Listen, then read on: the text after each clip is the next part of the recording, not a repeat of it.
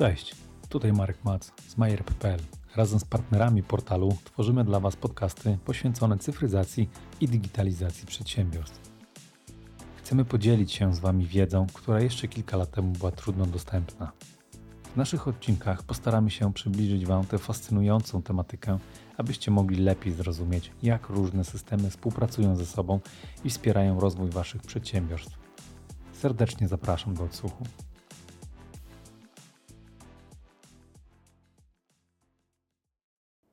Cześć wszystkim. Dzisiaj moim gościem jest Włodek Miśta, dyrektor oddziału Merino na Centralną Europę. E, I dzisiaj porozmawiamy sobie trochę szerzej o produktach, o produkcie Infora, o którym ostatnio jest dosyć mało i chcielibyśmy powiedzieć więcej, czym, czym jest ten produkt, dla kogo, do kogo jest skierowany przede, przede wszystkim, jakie są zalety, może też poznamy, jakie są wady. Także mam nadzieję, że to będzie bardzo interesujący odcinek. Cześć Włodku. Cześć. Jakbyś mógł parę zdań też o sobie powiedzieć, zawsze na początku pytam gości o to i daję im taką wolną rękę, żeby opowiedzieli o sobie. Okej, okay, dziękuję w ogóle za zaproszenie i możliwość e, porozmawiania. E, ja wywodzę się z świata e, konsultingu i wdrożeń ERP. Od 25 już lat e, pracuję w tej branży. E, wcześniej pracowałem w firmie SNT, tam zajmowałem się rozwojem praktyki dotyczącej właśnie systemu Infor. Natomiast od zeszłego roku reprezentuję firmę Merino Consulting Services BV. E, to jest e, partner firmy Infor, europejski partner z siedzibą w Holandii. W zeszłym roku otwarliśmy oddział w Polsce, który mam przyjemność prowadzić i rozwijać. E, firma Merino Consulting Services e, jest partnerem, który skupia się na usługach wdrożeniowych, konsultingowych, doradczych w zakresie rozwiązań Infor Cloud Suite. E, działamy na całym rynku europejskim. Mamy oddziały w Holandii, w Belgii, w Portugalii, w Szwecji, w Polsce. Obecnie jesteśmy na etapie otwierania naszej działalności również we Włoszech. E, skupiamy się na dostarczaniu usług e, i wdrażaniu tego rozwiązania e, w kilku obszarach czy w kilku branżach specjalizowanych, o których myślę, że jeszcze za chwilkę będzie możliwość porozmawiania. Prywatnie ojciec dwójki dzieci, krakowianin, z pasją biegający różne dystanse. Okay. Może tyle. Okej. Okay. To jakbyś mógł nam powiedzieć, czym tak naprawdę jest Infor Cloud Suite? E, Infor Cloud Suite e, jest to mm, e, produkt firmy Infor. Jest to amerykański dostawca rozwiązań klasy ERP. E, mm, w pewnej ciągłej linii, czy następca produktu znanego na rynku już od lat 90. produktu holenderskiego e, firmy BAN. E, wokół systemu ERP zostało e, zbudowane rozwiązanie, które zapewnia kompleksowe wsparcie większości procesów, w tym przypadku produkcyjnych, bo taki jest taki jest fokus w tą stronę, zostało zbudowane czy spozycjonowane to rozwiązanie, natomiast e, taki kilka charakterystycznych cech. Rozwiązanie InfoCloud Suite e, to jest po pierwsze rozwiązanie zbudowane w koncepcji chmury, to się nazywa ładnie z angielskiego multitenantowej. Mhm. Jest to rozwiązanie bazujące na mm, usługach chmurowych naszego partnera czy partnera firmy Infor E, firmy AWS, czyli Amazon Web Services. E, w oparciu o tą technologię, o infrastrukturę AWS-u została zbudowana, e, zostało zbudowane środowisko chmurowe. I jest to właśnie ta chmura multitenantowa, w przeciwieństwie do rozwiązań bazujących na architekturze takiej on-premisowej, czyli stawianej po prostu na fizycznej infrastrukturze, bądź też hostowanej. Mhm. E, kiedy de facto to samo rozwiązanie, rozwiązanie e, takie dedykowane, instalowane, one jest udostępniane w infrastrukturze e, dowolnego dostawcy i hostowane i ono też jest często nazywane rozwiązaniem chmurowym. Natomiast to jest rozwiązanie wtedy tak zwane single tenantowe, czyli de facto mamy jedno środowisko, jedną instalację. W przypadku rozwiązania multitenantowego idea i architektura tego rozwiązania jest taka, że mamy postawioną jedno wielkie, duże, centralne środowisko, najczęściej stawiane na bardzo zaawansowanej farmie sprzętowej, e, które jest e, zarządzane w pełni przez dostawcę, przez Mhm. firmę Infor. Firma Infor wydziela w ramach jednej instalacji, to jest jedno środowisko aplikacji zainstalowane, wydziela tak zwane tenanty, czyli właśnie takie środowiska produkcyjne bądź też testowe dla poszczególnych klientów. Jakie są zalety czy charakterystyczne elementy związane z tym środowiskiem? Wszyscy pracują na tym samym środowisku, na najnowszym środowisku. Czyli wszyscy użytkownicy korzystają z e, najnowszej wersji oprogramowania, z wszystkich jego funkcjonalności.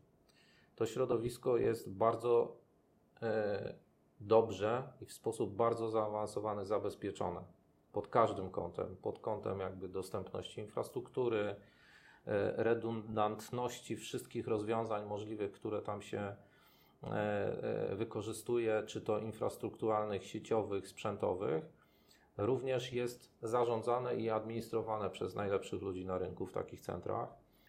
Tutaj chwila przerwy. Jeśli słuchasz tego podcastu, pamiętaj, żeby wcisnąć przycisk subskrybuj. Będę wdzięczny. Dobrego odsłuchu. E, Rozwiązanie zapewnia w ramach e, Info Cloud Suite e, użytkownicy dostają w pakiecie bazę danych, system operacyjny, wszystkie oprogramowania, które są w tle funkcjonujące pod e, głównym rozwiązaniem klasy ERP, ale również dodatkowych rozwiązań, o których może jeszcze za chwilkę. To wszystko jest dostarczane i zarządzane przez dostawcę, przez firmę Infor. Dzięki temu mamy możliwość również bardzo dobrego skalowania takiego rozwiązania. To znaczy, tam nie ma żadnego problemu z wydajnością, nie ma żadnego problemu z RAM-em, nie ma żadnego problemu z miejscem na dysku. E, To wszystko jest praktycznie nieograniczone, aczkolwiek oczywiście są limitowane pewne progi e, tego, jaki pakiet użytkownik chce wykorzystać. Okej. Tu ja bym jeszcze wrócił trochę jakby do samej nazwy, bo wiele osób może znać ten produkt pod nazwą Infor LN. Wiele osób może znać ten produkt e, w ten sposób i tam jest centrum tego rozwiązania system Infor LN. E, Natomiast e, ta zmiana, czy ta nazwa marketingowa Infor Cloud Suite, ona jest istotna, bo to jest Infor LN, który pracuje w prawdziwej multitenantowej chmurze, e, czyli Infor Cloud, a Suite dlatego, że e, to rozwiązanie jest e, przygotowane w kilku wersjach. Mówimy tutaj e, w tym momencie o czterech głównych wersjach de, dla, de, dla przeznaczonych dla dedykowanych branż, e, którymi zajmuje się firma Merino. To jest Infor Cloud Suite Automotive, Infor Cloud Suite Aerospace and Defense, Industrial Machinery i Engineering and Construction. Albo jeszcze jest rozwiązanie piąte, może e, High Tech and Electronics. Każda z tych suite to jest Infor ERPLN wzbogacony o dodatkowe rozwiązania. To jest platforma e, do integracji rozwiązania składająca się z szyny danych, z otwartych interfejsów. To jest e, cały silnik zarządzający procesami przepływu zadań, czyli workflowami, powiadomieniami. To jest platforma e, Infor OS służąca do współpracy pomiędzy różnymi użytkownikami systemu. To są rozwiązania, na przykład, e, jeżeli weźmiemy sobie do głębszej analizy Automotive. E, W standardzie takiej Info Cloud Suite for Automotive dostajemy również coś, co się nazywa Automotive Exchange. Jest to produkt dedykowany dla branży motoryzacyjnej, który zapewnia komunikację w oparciu o standardy stosowane w branży motoryzacyjnej, szczególnie dla dostawców e, OM-owych bądź też Tier 1, którzy dostarczają bezpośrednio na montaż e, części czy komponenty dla producentów samochodów. Tam są specyficzne wymagania, ustandaryzowany sposób obsługi łańcucha dostaw. I ten produkt jest częścią tej suity, to jest standard. Mhm. Również częścią rozwiązania są narzędzia i produkty raportujące, takie jak Infor Analytics, Infor Burst, e, narzędzia służące do budowania e, raportów i analizy danych. Jest częścią rozwiązania również Data Lake, czyli taka hurtownia danych, w oparciu o którą się buduje raportowanie i e, wyciąga informacje z systemu, nie korzystając bezpośrednio z bazy systemu ERP. I tych elementów moglibyśmy jeszcze więcej wymieniać, natomiast generalnie jest to pewien konglomerat różnych produktów i rozwiązań, które stanowią dedykowane, kompletne rozwiązanie, które będzie dobrze dopasowane do wymagań i potrzeb firmy produkcyjnej z branży motoryzacyjnej. Podobnie jest w pozostałych. Natomiast takim kręgosłupem e, czy krwiobiegiem całego rozwiązania jest system Infor ERPLN w wersji czy w wariancie chmurowym, prawdziwej chmury multitenantowej. Okej, no to, to można powiedzieć, że to jest faktycznie takie gotowe rozwiązanie, gdzie jeżeli klient się zdecyduje na to, to jak szybko, właśnie tutaj powiedzmy nawiązując do tej branży automotive, e, to taki klient jak szybko jest w stanie zacząć pracę, czyli ile, ile czasu potrzeba, żeby wdrożyć e, no, wersję produkcyjną. To jest tak, że e, znowu e, w przypadku tego typu rozwiązań my idziemy troszkę dalej, bo nie mówimy tutaj tylko i wyłącznie o programowaniu, mówimy tutaj o produkcie, na którego rzecz składa się wiele elementów. Jednym z takich elementów jest metodologia wdrożeniowa, e, ale również jest to e, również część składowa Infor Cloud Suite, o której nie wspomniałem wcześniej. Jest to em, element, który nazywa się Implementation Accelerators. Jest to e, zestaw gotowych procesów i modeli, e, które są wykorzystywane podczas wdrożenia. Bazując na tych dwóch dodatkowych elementach, czyli na, e, na jasno i precyzyjnie zdefiniowanej, określonej metodologii realizacji projektu. I bazując na gotowych modelach, te modele są dedykowane, one są inne dla każdej suity. Czyli inny model, inaczej wyglądający, zdefiniowany proces w systemie będzie dla e, branży motoryzacyjnej, a inny będzie dla e, branży e, lotniczej. E, Te procesy uwzględniają specyfikę i wymagania tych branż. E, Te procesy to nie jest tylko model graficzny e, całego procesu, na przykład order to cash. Ten proces się rozwija na kolejne elementy, aż schodzimy do poziomu pojedynczych kroków, które są wykonywane przez użytkownika systemu. Te kroki mogą być realizowane w różnych aplikacjach składających się na całe to środowisko. Użytkownik instalując Znowu użyłem złego słowa w starej konwencji instalując. E, Pierwsza przewaga i e, element, który wpływa na szybkość e, uruchomienia takiego rozwiązania. Dostęp do systemu po podpisaniu umowy my dostajemy w ciągu nie wiem, kilku godzin. Mamy gotowy, działający No system. tak, no to, to zaleta chmury. Nie? To jest wykreowanie tego tenanta, o którym powiedziałem. Tak? Okej. Nie ma tutaj czekania na zamówienie, na sprzęt, uruchomienia tego sprzętu, przygotowania serwerowni, zainstalowania systemu operacyjnego, zainstalowania bazy danych, spaczowania wszystkiego, zorganizowania ludzi, którzy to zrobią. Proszę zauważyć, ile kompetencji tu jest potrzebnych. Bazodanowiec, sprzętowiec, siecio- sieciowiec i tak dalej. My tutaj musimy mieć odpowiednie łącze internetowe i to jest wszystko. Resztę nam zapewnia e, dostawca. I on nam przygotowuje gotową instancję naszego rozwiązania e, Cloud Suite, składającego się nie tylko z Elena, nie tylko z systemu RP, ale również z tych wszystkich dodatkowych produktów, które są już spięte, skonfigurowane, zintegrowane, działające, wypełnione gotowymi, predefiniowanymi procesami e, z dostarczoną dokumentacją i instrukcją, co w jakiej kolejności wypełniać w tych procesach. Czyli my mamy za zadanie dostarczyć i załadować dane słownikowe, dane podstawowe do tego systemu, przejrzeć sobie te procesy i sprawdzić, które i w jakim zakresie spełniają nasze oczekiwania. I tutaj już wchodzimy w ten etap e, metodologii wdrażania i sposobu wdrażania. E, jak to powinno być robione, ale może o tym za chwilkę. Natomiast odpowiadając na Twoje pytanie, jeżeli chodzi o ten czas, jesteśmy w stanie uruchomić system i przygotować, załadować go tymi danymi słownikowymi, oczywiście to zależy ile tych danych będzie, ile, ile będzie kontrahentów, indeksów i tak dalej, w jakiej jakości są te dane. Mhm. My jesteśmy tak naprawdę w ciągu kilku miesięcy, trzech miesięcy w stanie odpalić produkcyjnie, e, czasem pół roku, odpalić produkcyjnie system, który będzie w pełni funkcjonalny, działający, realizujący podstawowe, standardowe procesy. To jest bardzo szybki proces, bardzo efektywny i proszę pamiętać o tym, że e, w tym przypadku my mówimy o również uruchomieniu wielu dodatkowych rzeczy, takich jak e, znowu kolejny element, o którym nie wspomniałem wcześniej, IDM, czyli Info Document Management. Mhm. Kolejny standardowy komponent tej suity, który służy do zarządzania całymi całym obszarem dokumentów. To mogą być dokumenty typu faktury. Czy taki skany. EDI?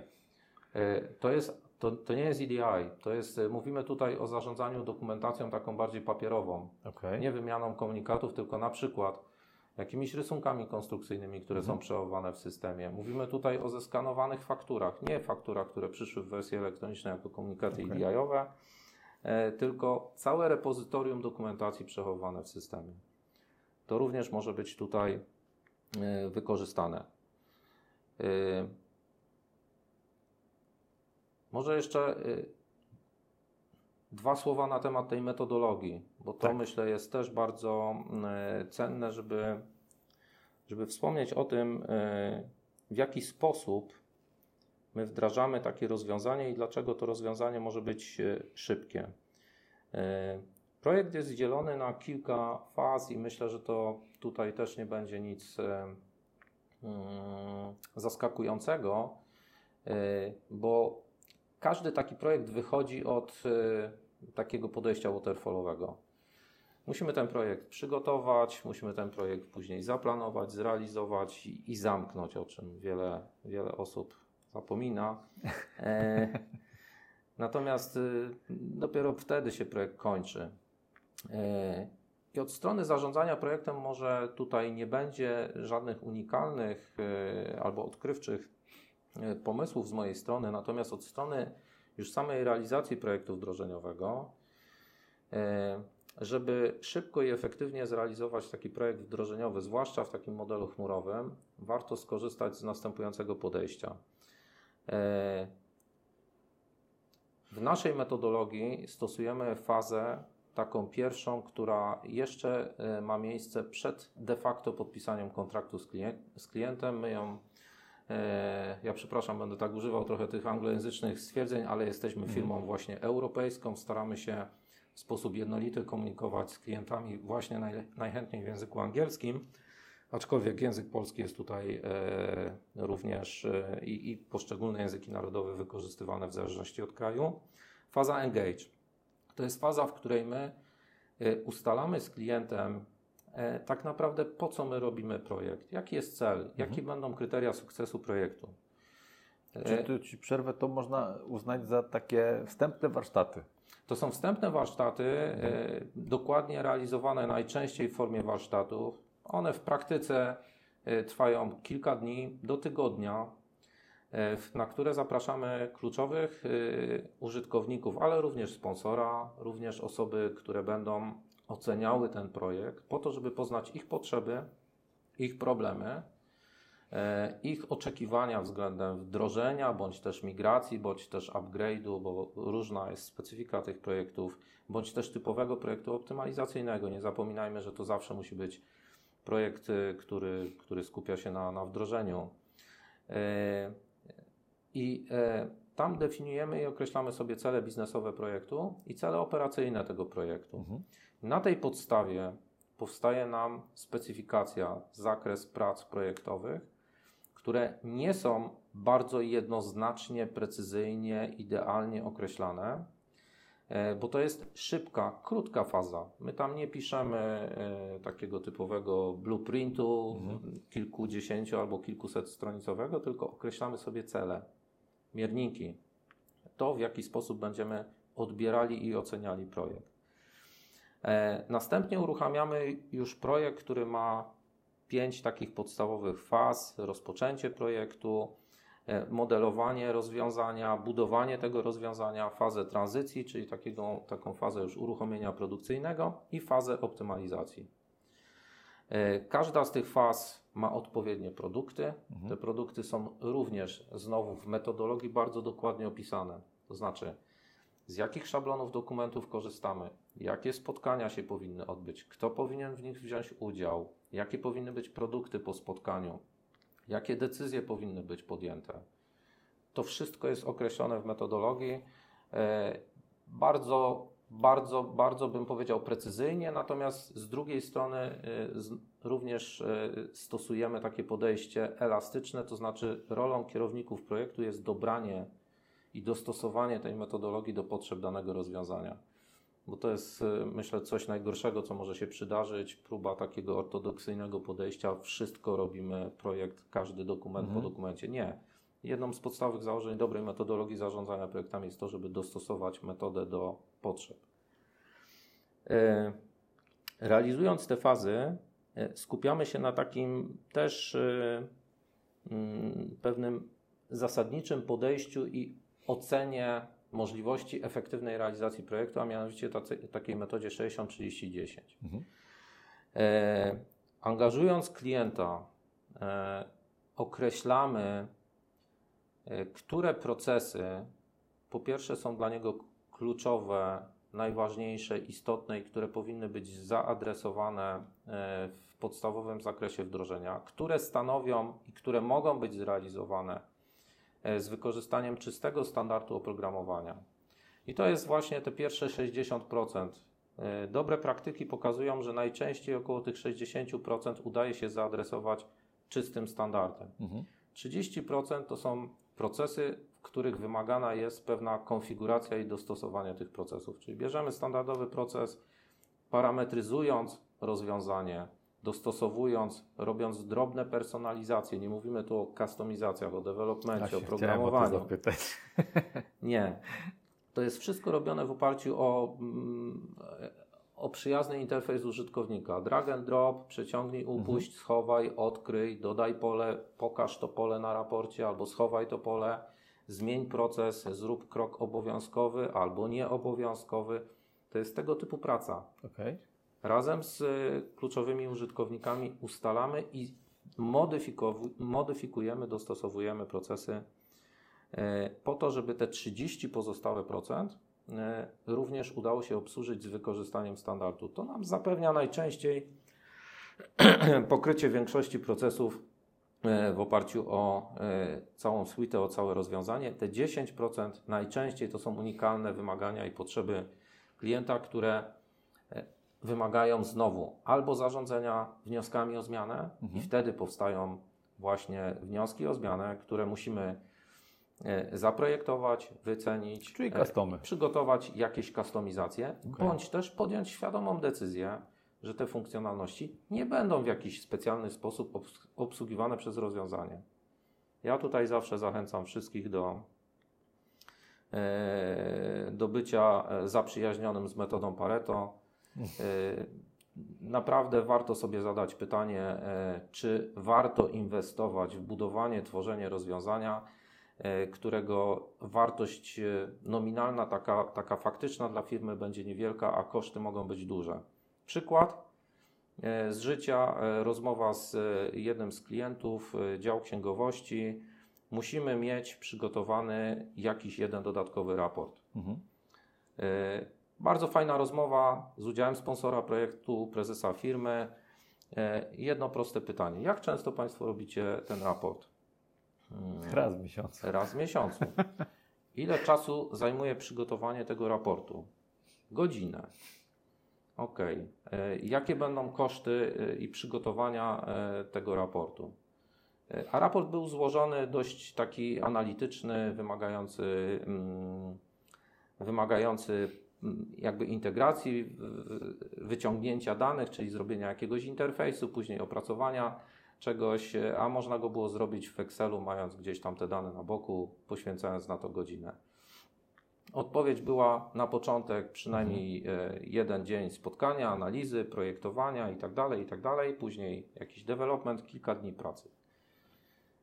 Nie ma tematu.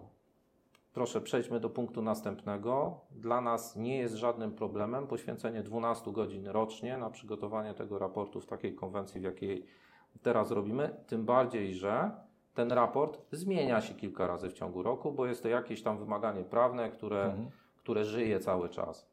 Więc nie da się stworzyć rozwiązania, które będzie e, wykorzystywane w sposób e, jakby bezterminowy, tylko znowu trzeba by to było to rozwiązanie dostosowywać. Więc znowu pragmatyka i taka ocena z wykorzystaniem zdrowego rozsądku i, i tej metody Pareto, jaki, ile procent nakładów, a ile procent zysku, szybko zakończyło temat i do tego mm, bym E, zachęcał. Mhm. Czyli można powiedzieć, że Wy macie taką praktykę, że jesteście bardziej takim partnerem biznesowym klienta. Tak. E, w ogóle myślę, że wdrożenia, e, wdrożenia takich rozwiązań chmurowych, one wymagają takiego partnerskiego podejścia i, mm, i takiego podejścia, które jest zorientowane na, również na takie doradztwo trochę biznesowe, mhm. na znajomość branży. E, w naszej kulturze e, takiej firmowej głęboko jest zaszyte, wręcz do, do poziomu naszej wizji, e, bycie konsultantem, który doradza mhm. I który pomaga optymalizować proces i przeprowadzać klienta czy użytkownika przez jego taką transformację, którą on przechodzi. Proszę pamiętać, że zawsze taki projekt to jest zmiana. Ta zmiana jest robiona po coś. Nie po to, żeby wdrożyć nowy system, żeby wdrożyć nową wersję tego systemu, tylko żeby jakąś wartość wygenerować dla firmy, dla biznesu. E, spowodować, że ta firma pójdzie krok dalej w sposobie realizacji swoich procesów, w tym jak ona pracuje, e, co może dostarczyć swoim klientom, ale również tym takim pozornym klientom, czyli swoim dostawcom, swoim partnerom handlowym czy biznesowym, kooperantom itd. Tak E, cały czas pracujemy nad tym, żeby usprawniać, optymalizować te łańcuchy mhm. dostaw, sposób pracy w firmie, sposób pracy y, firma, klient, firma, dostawca. I nasi konsultanci e, znają branżę, znają wymagania i e, podpowiadają klientom, jak najefektywniej wykorzystać to rozwiązanie, unikając zadawania pytań, a jakbyś, szanowny kliencie, chciał, żeby. Yy, albo jak to robicie teraz? To jest najlepsze pytanie. No. Jak to robicie teraz? Yy, I spróbujmy, dobra, to my przygotujemy rozwiązanie, żeby było tak samo. Nie, to, to, to jest droga donikąd. Tak? Dzielimy się yy, naszą wiedzą na temat branży, doświadczeniami, ale również tego branżowego rozwiązania, bo to jest cała wartość takich rozwiązań typu Info Cloud Suite. Zaszyta wiedza i know-how z tego, jak ten proces należy realizować, jak on się sprawdza na świecie. Więc my pokazujemy, jak najlepiej wykorzystać rozwiązanie, mhm. bazując na wiedzy czy informacjach zdobytych od klienta i jego wyzwania. Żeby usprawnić, zróbmy to w ten sposób. Zmieńmy coś. Zachęcamy do zmiany. E, I to wymaga partnerskiego podejścia z obydwu stron. To znaczy, klient też musi nam zaufać, mhm. klient musi być otwarty na tą zmianę. Znaczy, no tak, wiesz co, to powiem Ci, że wydaje mi się, że w Polsce właśnie jakby ciągle jest z tym problem, a e, no właśnie, a jak jest za granicą? To chyba tam jest całkiem inna mentalność, nie? Traktują Was faktycznie jako partnerów biznesowych, a, a nie wdrożeniowców przyszło, przysłowiowo. Myślę, że, yy, że jest różnie. Okay. To nie jest tak, że my jesteśmy, yy, że my jesteśmy mm, bardzo inni. Mhm. Myślę, że to jest kwestia w dużej mierze pewnej dojrzałości firmy, osób y, zarządzających firmą i osób zaangażowanych w proces czy w realizację takiego projektu. Są na pewno kraje, w których można zauważyć już taką większą dojrzałość i większe zaufanie również takie, na takiej warstwie biznesowej które też pomaga w realizacji takich projektów właśnie w takim modelu partnerskim, w modelu y, opartym na realizacji wspólnego celu, bo to jest tutaj klucz. My musimy mieć tą świadomość, że my chcemy de facto zrobić to samo. To znaczy, naszym celem nie jest y, wdrożenie, nie jest y, zrealizowanie swoich nie wiem, godzin czy tam zadań, które były zdefiniowane, tylko naszym celem jest usprawnienie danego procesu albo zapewnienie, żeby mhm. został zrealizowany ten cel, o którym mówiliśmy na początku. i z tego się rozliczamy. A cała reszta to są jakby narzędzia i środki do tego, żeby to zrealizować. Myślę, że w wielu krajach czy w wielu firmach, zwłaszcza tych takich nowocześniejszych, e, te firmy są już e, mm, na etapie pewnego przejścia przez właśnie taką transformację i sposób myślenia. My e, nie kupujemy rozwiązania, my nie kupujemy ERPA, my kupujemy usługę w postaci zapewnienia nam jak najbardziej efektywnego środowiska e, takiego informatycznego, wspierającego rozwiązanie, wspierającego naszą firmę, wspierającego naszą produkcję. I to jest proces taki ciągły. My z naszymi klientami pracujemy e, na zasadzie takiej ciągłej optymalizacji. Te, ten biznes się tak szybko zmienia, mhm. wymagania tak szybko się zmieniają, że kompletnie odchodzi do lamusa w, w dzisiejszych czasach już takie podejście wdrożeniowe, które jeszcze y, w wielu, wielu sytuacjach, w wielu projektach i myślę, że to jest pewna specyfika tej części Europy y, naszej tutaj, bo działamy również i na rynku y, czeskim, polskim. Myślę, że w tych krajach południowych też się to, to uwidacznia, we Włoszech. Takiego podejścia zaprojektowania projektu i realizacji go w analiza, zbieramy wymagania, projektujemy rozwiązanie, wdrażamy później projekt przez rok albo dwa lata. Mhm. Na końcu tego projektu okazuje się, że te wymagania, które myśmy sobie opisali trzy lata temu, one są kompletnie nieaktualne. Oczywiście jest proces zarządzania zmianą, ale to jest trudne. No w Polsce nie. się o tym nie mówi w ogóle, nie? Też uważam, że w Polsce bardzo ten obszar jest zaniedbany. Tak. Kwestia zarządzania zmianą ten proces jest zaniedbany i z drugiej strony on bardzo często e, no de facto on ma duży wpływ na, na budżet, na czas realizacji projektu, a pokutuje u nas takie przekonanie, że e, projekt zakończony sukcesem to jest projekt, ja tego nie neguję, to mhm. może zabrzmieć kontrowersyjnie, to jest projekt, który zakończył się w budżecie i w czasie. Mhm. Jeżeli tak jest zdefiniowany cel projektu, tak, to jest sukces. Pytanie, czy naszym celem jest zrealizowanie projektu w budżecie i w terminie, czy naszym celem jest zrealizowanie tego, co było celem projektu. A cel projektu z reguły jest inny. Mhm. My mamy coś zrobić w firmie, dla firmy, a koszty i czas, one muszą być dostosowane do tego, co mamy zrobić. I życie pokazuje, że te nasze wymagania i oczekiwania i otoczenie się tak szybko zmienia, że te wymagania cały czas ewoluują i się zmieniają. I szybka, sprawna metodologia i takie zwinne, czasem wręcz skramowe podejście do realizacji projektu się bardzo tutaj sprawdza. To najlepiej pokazała pandemia teraz, jak szybko musieliśmy przedstawić wiele rzeczy. Mhm.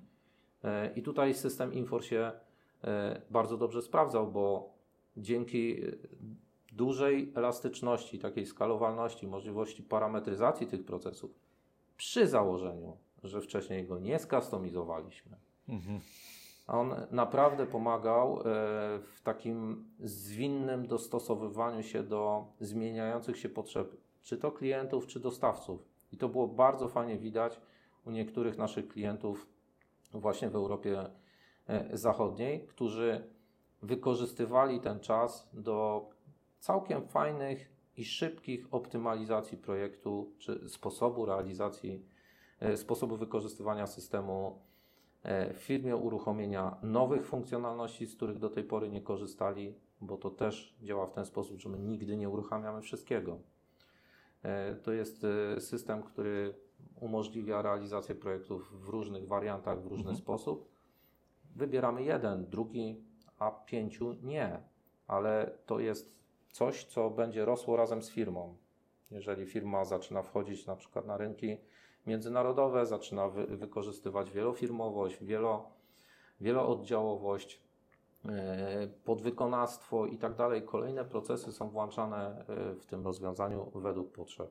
Mhm. Tak to działa. Wiesz co, mi się bardzo podoba to, co powiedziałeś, bo ja uważam, że wiele firm niestety do dzisiaj tak działa, czyli chwalą się zrealizowanymi projektami w czasie, w budżecie, a wydaje mi się, że wielkim błędem jest niemówienie swoim klientom na początku, że jest inna droga, że chcemy faktycznie zadbać stricte o Wasze potrzeby biznesowe i no, to jest całkiem inny projekt według mnie, bo, bo jest mało projektów, które realizują się w czasie i w budżecie. Zawsze są odstępstwa, zawsze to się rozciąga. Nie? Są, są, są badania, ja nie mam teraz wyników, ale kiedyś e, przygotowując się też do jakiegoś spotkania, e, gdzieś sobie odszukałem te wyniki e, takich badań właśnie na temat sukcesów projektów informatycznych, w szczególności też szukałem wtedy wyników badań dotyczących projektów wdrożeniowych systemów ERP. I tak jak powiedziałeś, wiele tych projektów albo większość nie udaje się zrealizować w budżecie ani w czasie. E, ja naprawdę bardzo często bym dyskutował o tym, czy to jest porażka projektu, e, czy nie, bo naprawdę trzeba by ocenić i spojrzeć e, na to, jaką wartość dostarczył ten projekt dla firmy. Jeżeli ten projekt był dobrze zarządzany, dobrze była zarządzana zmiana w tym projekcie, mhm. jeżeli ona była zasadna, to dokładnie tak powinno być. On się nie powinien skończyć w zakładanym czasie bo zostały wykorzystane właśnie możliwości, mhm. potrzeby. To często są nie tylko ryzyka, ale i szanse, które się pojawiają. I trzeba zmienić ten projekt po to, żeby zrealizować to, co w danej sytuacji, w danej chwili, po pół roku, po roku jest dobre dla firmy. Natomiast no, całkiem inną sytuacją jest yy, yy, też możliwy scenariusz, kiedy projekt się opóźnia albo nie jest realizowany z wielu innych powodów. No i to są wtedy typowe porażki. Naszym e, zdaniem i, i, w oparciu o nasze doświadczenia z projektów realizowanych w tej chwili i przez ostatnie lata, e, bardzo dobrym modelem jest model e, realizacji projektu w oparciu właśnie o zaufanie mhm. i o wspólne realizowanie celu, który sobie wcześniej zdefiniujemy, a dobieranie narzędzia, sposobu realizacji tego projektu w sposób dynamiczny. E, my w ostatnich projektach wykorzystujemy taką metodologię hybrydową. Mhm. Znaczy te dwa środkowe e, kroki e, realizacji projektu, czyli fazę modelowania i budowania rozwiązania, staramy się realizować agile'owo, scrumowo, w sprintach.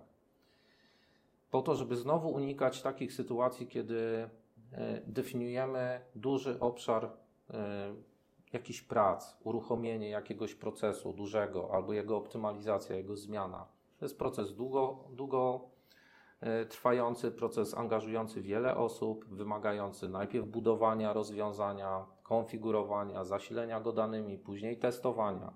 Jeżeli on jest duży, wymaga zaangażowania wielu osób, wymaga to dużo więcej czasu i często się okazuje, że na końcu, jak zaangażujemy kolejne osoby do testowania, no nie do końca o to nam chodziło.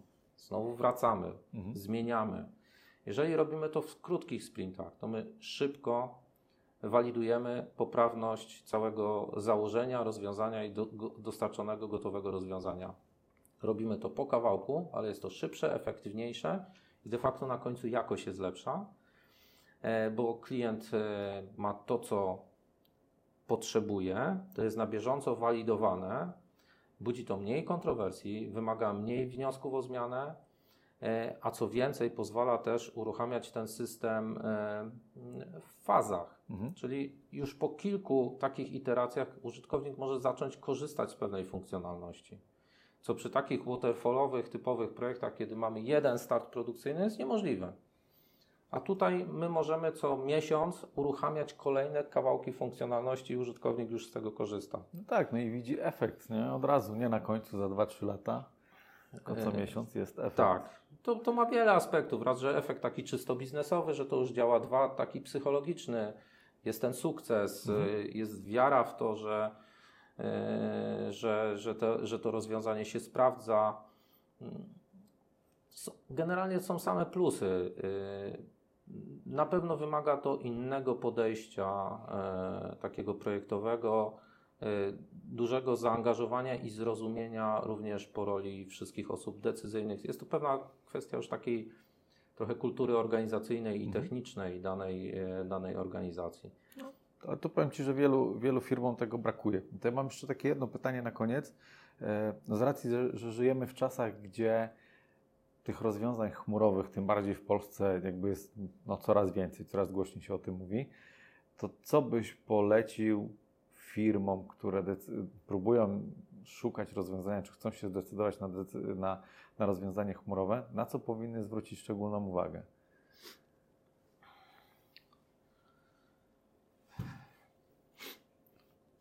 Myślę, że mm, myślę, że tutaj jest e, kilka aspektów takich, e, które warto sobie dobrze przemyśleć. Mhm. Po pierwsze, e, mm, słowo chmura jest odmieniane w naszym, naszym otoczeniu, w naszym świecie przez przypadki. Wszyscy mówią o chmurze, wszyscy mówią, że mają chmurę, że dostarczają rozwiązania chmurowe.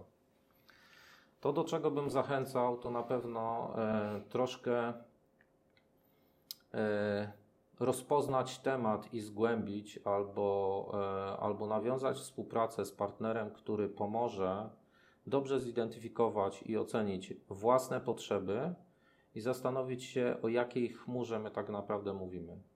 Na początku naszej rozmowy wspomniałem o tej chmurze multitenantowej, single-tenantowej.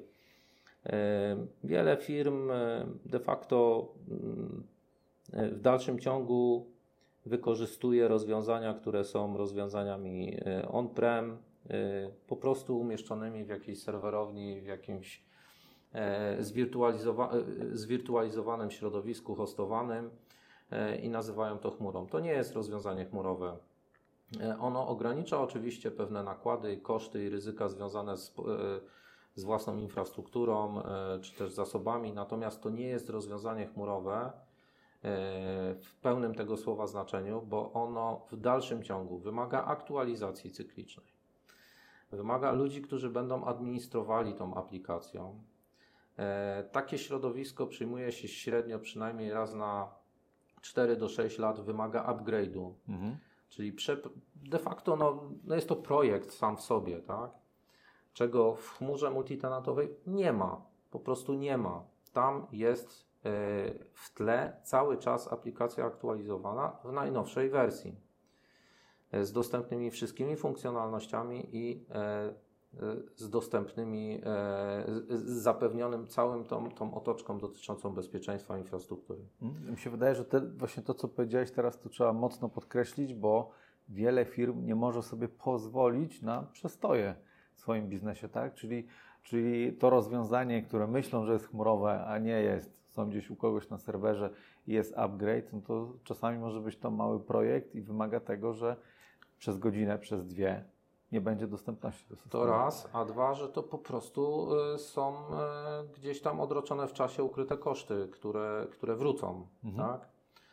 E, Druga sprawa to jest y, pewna zmiana e, takie, takiego podejścia i przyjęcie e, modelu e, e, pracy w chmurze w oparciu o rozwiązania standardowe. E, Myślę, że, że wiele firm e, zaczyna już podchodzić do tego w ten sposób, że i, i zaczyna rozumieć, że rozwiązania informatyczne, podobnie jak każde inne rozwiązania, które wspierają funkcjonowanie firmy, e, najefektywniej i najlepiej działają, jeżeli się wykorzystuje takie rozwiązania e, najlepsze w klasie. Przykład. Jesteśmy firmą produkcyjną, e, szukamy maszyny. Szukamy najlepszej maszyny na rynku, która coś tam realizuje. Nie wiem, jakiś laser, cokolwiek, wycinarka. Czy my, szukając tej maszyny, e, idziemy do takiego dostawcy i mówimy mu, że e, ok, my, my kupimy ten laser, ale tak naprawdę to, to, to go e, dopasujcie do mnie, bo mi, nie wiem, mam tak wyprowadzone kable gdzieś tam na hali, albo tyle i tyle miejsca. Nie. Jak ktoś kupuje maszynę, to wcześniej się zastanawia, jak przygotować halę, czasem stawia nową halę pod nią, przygotowuje podpięcia, przygotowuje odpowiednie zasilanie, czasem musi zapewnić klimatyzację i tak dalej. To nie jest w drugą stronę. Jeżeli coś kupujemy topowego, e, to staramy się jak najlepiej wykorzystać to, co jest tam, przygotować się do tego, E, a nie zaczynamy od e, przerabiania tej, tej, tej maszyny. Tak? I trochę to pokutuje w tym, w tym świecie informatycznym, że, że często do tego systemu podchodzimy trochę inaczej. Pytanie dlaczego? To są bardzo dojrzałe rozwiązania, które przez wiele lat są e, budowane w oparciu o doświadczenia klientów, o doświadczenia tych dostawców. I nie mówię tutaj teraz tylko o rozwiązaniu inforowym, tylko Mhm. ogólnie. I myślę, że To jest ta różnica, którą ja dostrzegam między tym rynkiem zachodnioeuropejskim, szczególnie na przykład bardzo ładnie to teraz widać na rynku iberyjskim, Portugalia, Hiszpania. Tam realizujemy w ostatnim czasie sporo projektów, w których jest bardzo duże przekonanie do modelu wdrażania czystego standardu. Mhm. E, to daje bardzo ogromną przewagę w czasie realizacji tego projektu, w zapewnieniu ustandaryzowanego sposobu wykorzystania procesów i te firmy wręcz czekają na to, żeby im tą dobrą praktykę pokazać, te dobre doświadczenia. Traktują to jako dużą wartość dodaną e, i bardzo sobie to cenią. I myślę, że e, takiej firmie, która rozgląda się za rozwiązaniem, na pewno bym zachęcał e, przyjrzenie się mm, dostawcom, którzy mogą zapewnić e, właśnie takie rozwiązania branżowe, dedykowane rozwiązania pod, daną, pod dany rynek, pod daną specyfikę produkcji. To istotnie ogranicza ryzyko błędów i bardzo istotnie może przyspieszyć proces e, implementacji takiego rozwiązania. Ostatnia rzecz, która myślę też jest taka cenna i warta podkreślenia, o której się u nas zapomina, e, to jest jeszcze realizacja takiego mini projektu przygotowującego do, do, do realizacji tego podstawowego przedsięwzięcia. Hmm. W ofercie firm, które pomagają przechodzić przez zmianę, realizować takie transformacje cyfrowe, e, występują e, takie produkty, które są nazywane taki health check, taka kontrola stanu zdrowia firmy mhm. jej dojrzałości albo gotowości do realizacji projektu. To jest często bagatelizowane. Z jednej strony wszyscy uważają, ok, mamy, mamy fantastycznych ludzi w zespole, damy radę, to też takie może trochę słowiańskie nasze podejście trochę jest. Jesteśmy silni, mocni i zawsze sobie damy radę. Ok, fajnie. Natomiast y, naprawdę mm, efektywne zrealizowanie taki, takiego projektu wymaga, żebyśmy mieli dobry zespół mhm. z odpowiednimi kwalifikacjami, żeby ten zespół miał czas, żeby był dostępny y, i żebyśmy też y, mieli świadomość tego, gdzie mamy te elementy czy obszary usprawnień od strony procesu. E, żebyśmy nie weszli w pułapkę dostosowywania systemu do czasem niezbyt doskonałych procesów, które realizujemy w firmie. E, punktem wyjścia powinna być tak naprawdę dyskusja o procesach i o tym, czy nie trzeba przy okazji albo nawet przed zmienić, dostosować, usprawnić naszego procesu. Wtedy firma najwięcej zyska. To będzie największa wartość dla dla organizacji, jeżeli to będzie naprawdę transformacja cyfrowa, a nie tylko y, uruchomienie albo wdrożenie projektu informatycznego. Więc zachęcałbym do spojrzenia szerzej na temat, przyjrzenia się swoim procesom, wykorzystania wiedzy o procesach. Y, dobry model subskrypcyjny i dobre rozwiązanie chmurowe. I na pewno warto e, sprawdzić i przyjrzeć się, czy konsultanci i firma ma wiedzę i doświadczenie branżowe. Tak, to na pewno jest istotne. Włodku, ja Ci bardzo dziękuję. No, uważam, że moglibyśmy jeszcze drugą godzinę rozmawiać, ale myśl, chciałbym to zostawić pewnie na kolejny podcast. Bardzo, bardzo chętnie. E, ja też dziękuję za, za możliwość. Mam nadzieję, że to że to jest początek jakiejś tam właśnie dłuższej dyskusji. Myślę, że ten obszar e, naprawdę jest e, no, dla mnie cały czas fascynujący po dwudziestu paru latach e, pracy. Tak, to, to warto dzielić się Twoją wiedzą, bo no, no, masz co powiedzieć tutaj w temacie. A z drugiej strony myślę, że naszą rolą powinno być też, bazując w oparciu o, o te nasze doświadczenia, które gdzieś tam zbieramy życiowe w różnych firmach, w różnych projektach, Właśnie no pomaganie. Ja, ja jestem fanem właśnie takiej koncepcji konsultingu, który powinien jakby zmierzać do tego, żeby naprawdę klientowi pomóc. Sprzedawania też w takiej formie, że my mamy pomóc, yy, dostarczyć rozwiązanie, którego klient potrzebuje, yy, który spowoduje, że będzie, będzie jego firma działała lepiej, efektywniej, yy, że będzie się rozwijała, więc w tym duchu bardzo chętnie porozmawiam, podzielę się doświadczeniami, jak mogę coś doradzę. To jest pomysł na, na, na spotkanie może nawet ze słuchaczami wtedy. Dzięki wielkie. Dzięki. Cześć. również.